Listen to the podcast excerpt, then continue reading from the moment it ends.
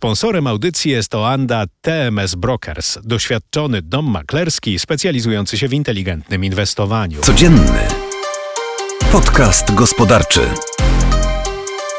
Zaprasza Wojciech Kowalik. Dziś będzie o rekordach, rekordzie wszechczasów, jaki padł ostatnio na warszawskiej giełdzie oraz wieloletnim rekordzie mocy polskiego złotego. Ten drugi już odczuwamy zresztą w swoich portfelach na co dzień, choćby tankując na stacji paliw. Z czego ta moc wynika, co się za nią kryje i czy może jeszcze potrwać? Codzienny podcast gospodarczy zaczynamy.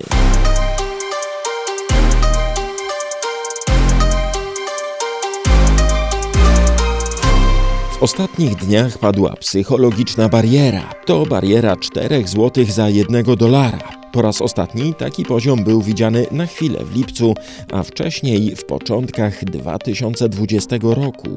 Trudno w to uwierzyć, ale dokładnie rok temu, kiedy padały rekordy słabości polskiego złotego, dolar był wyceniany na ponad 5 złotych. Teraz jednak dolar słabnie w rytm spadającej w Stanach Zjednoczonych inflacji. Tak to właśnie wygląda. Im lepiej tam z inflacją, tym gorzej dla dolara. Dlaczego tak jest?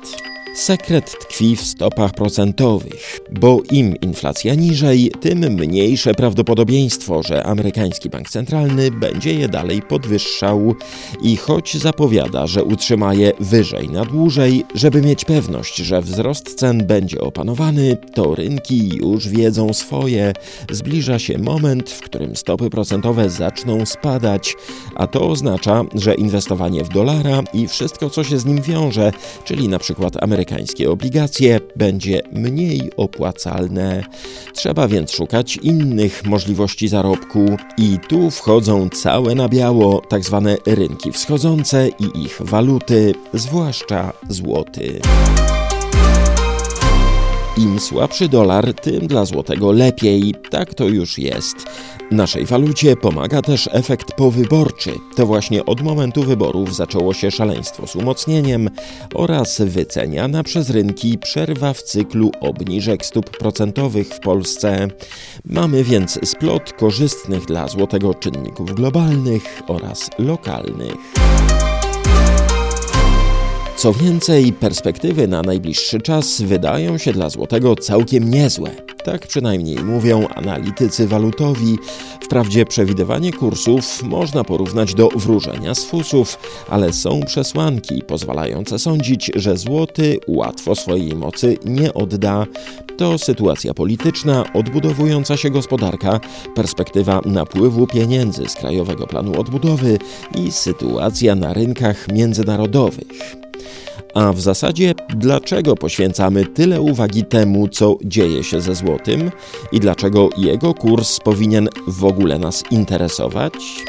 Bo odczuwamy go na co dzień w portfelach, Kurs dolara jest obok cen ropy naftowej najważniejszym czynnikiem wpływającym na ceny paliw na stacjach.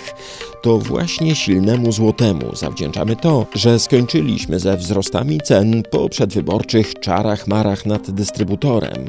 Swoje zrobiła też taniejąca ropa, ale polskie rafinerie płacą za nią w dolarach, więc mówiąc w dużym uproszczeniu, płacą mniej i przez to my możemy taniej tankować. Na podobnej zasadzie tańsze są też sprowadzane z zagranicy towary, bo importerzy płacą za nie mniej.